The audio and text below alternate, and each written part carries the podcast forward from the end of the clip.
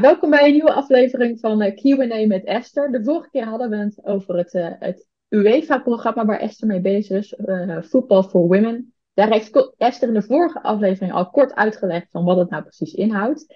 En eigenlijk ben heb je al twee keer een hele leuke ervaring erop zitten, Esther. Je bent de eerste keer in India geweest en je bent recent teruggekomen uit Maleisië ja, hoe, hoe was het om die, in die twee landen te zijn? En, en zie je bijvoorbeeld ook verschillen tussen India en Maleisië als het gaat over uh, vrouwen in het voetbal en uh, vrouwenvoetbal?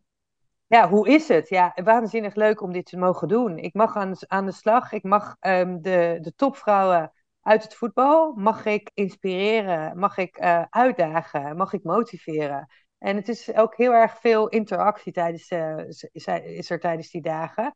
Um, ik zeg ook, ik richt me niet specifiek op vrouwen in uh, het vrouwenvoetbal. Ik richt me op vrouwen in het voetbal. Zelf ben ik een, uh, nou ja, een soort voorvechter van meer vrouwen in het voetbal in het algemeen. Niet specifiek in vrouwenvoetbal. Want wat ik merk met de opkomst van vrouwenvoetbal is dat alle vrouwen eigenlijk die hoek in worden geduwd.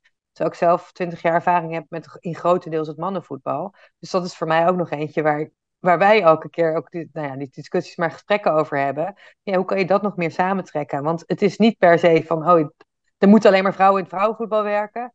Um, want ik vind ook dat mannen daar een, rol in hebben. De verschillen tussen die landen. Ja, um, je merkt. Ik, ik vond de, de Indiaanse vrouwen, we hebben daar echt workshops gehad en die duurden echt, de ene dag hebben we tot half negen daar gezeten, terwijl we om vijf uur acht klaar zouden moeten zijn.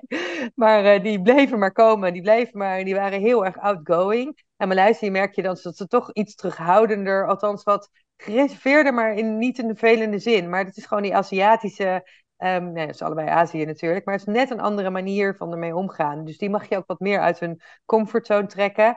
Um, die zullen uit zichzelf misschien wat minder snel bepaalde, uh, bepaalde dingen zeggen. Uiteindelijk komt dat wel naar voren. Maar in India gingen ze allemaal maar door. En uh, dat was heel leuk. En ik ga uh, deze week naar Zuid-Afrika. Dus dat zal ook weer heel anders zijn. En ik vind het ook echt super mooi om die verschillen te, zijn, te zien. Maar er zijn ook ongelooflijk veel overeenkomsten. Dingen waar vrouwen tegenaan lopen, waar ze zichzelf bijvoorbeeld in beperken, waar nog, um, ja, er zijn allerlei biases, dus um, vooroordelen. Dus er zijn, er zijn heel veel uh, overeenkomsten, veel meer denk ik dan we, we van tevoren denken. Um, en, en er zijn ook verschillen tussen de verschillende landen. Maar dat is ook wel weer mooi. Kijk, ik heb natuurlijk Nederlandse directheid. En dat hoort ook in deze workshop. Dat was ook mijn taak om ja, we, we zeggen het zo mooi, we moeten hen feeling uncomfortable, uh, feeling uh, comfortable uh, in de uncomfortableness. Dus laat ze zich maar, um, ja, ik mag ze een beetje uit hun comfortzone duwen, trekken, whatever, no whatever nodig is om, om dus die stappen te zetten. Ja, dat snap ik helemaal. En dan, en dan, wat voor reacties krijg je dan van die dames aan het einde van zo'n week als je je begeleid hebt? Ja, hele mooie en hele waardevolle reacties. En wat wij ook heel concreet doen, en dat vind ik wel een, een goede. Dus ik, had in de vorige video al gezegd, we hebben een mentor, mentorprogramma gedurende een half jaar, dus dat we daarmee doorgaan. Uiteindelijk gaat het erom, um, kijk, transformatie kan je niet in een paar dagen zeker niet als je twee dagen bij elkaar bent, kan je niet transformeren, kan je inspireren. Daarom heb ik bijvoorbeeld mijn één op één programma is ook niet ik geef wel losse masterclasses, maar daar kan je inspireren. Maar echt transformeren moet je echt een, een periode met elkaar uh, optrekken. Maar wat heel belangrijk is, is het zetten van kleine stapjes. Dus wij laten ze ook aan de slag gaan met: oké, wat gaat daadwerkelijk je eerste actiepunt worden?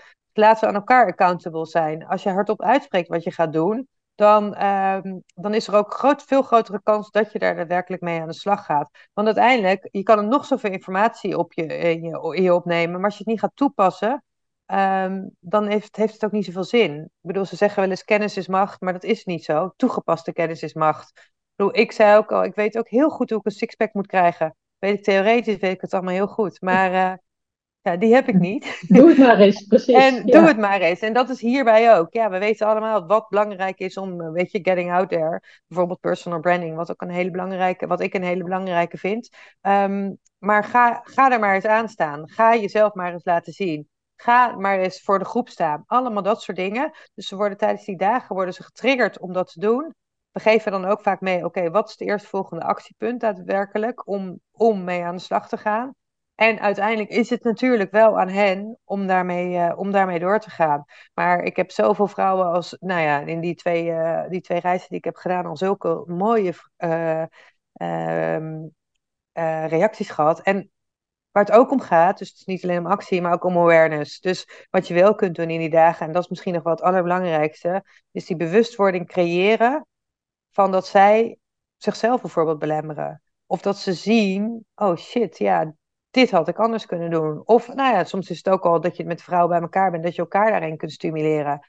Maar um, de bewustwording van je blinde vlekken, want dat zijn het vaak, die, um, die zijn al zo ongelooflijk waardevol. En dat ze ook zeggen, oh ja, hier ga ik mee aan de slag. En dan ga ik maar vijf minuten per dag eraan besteden in de komende periode.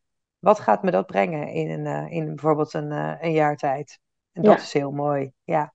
Ja, ja, dat klinkt dan alsof het allebei succesverhalen waren, zowel uh, India als Maleisië. Heel veel plezier en succes gewenst in, in Zuid-Afrika, maar het moet vast helemaal goed komen. En hopelijk kun je weer een aantal nieuwe vrouwen inspireren. Dankjewel. Thank you.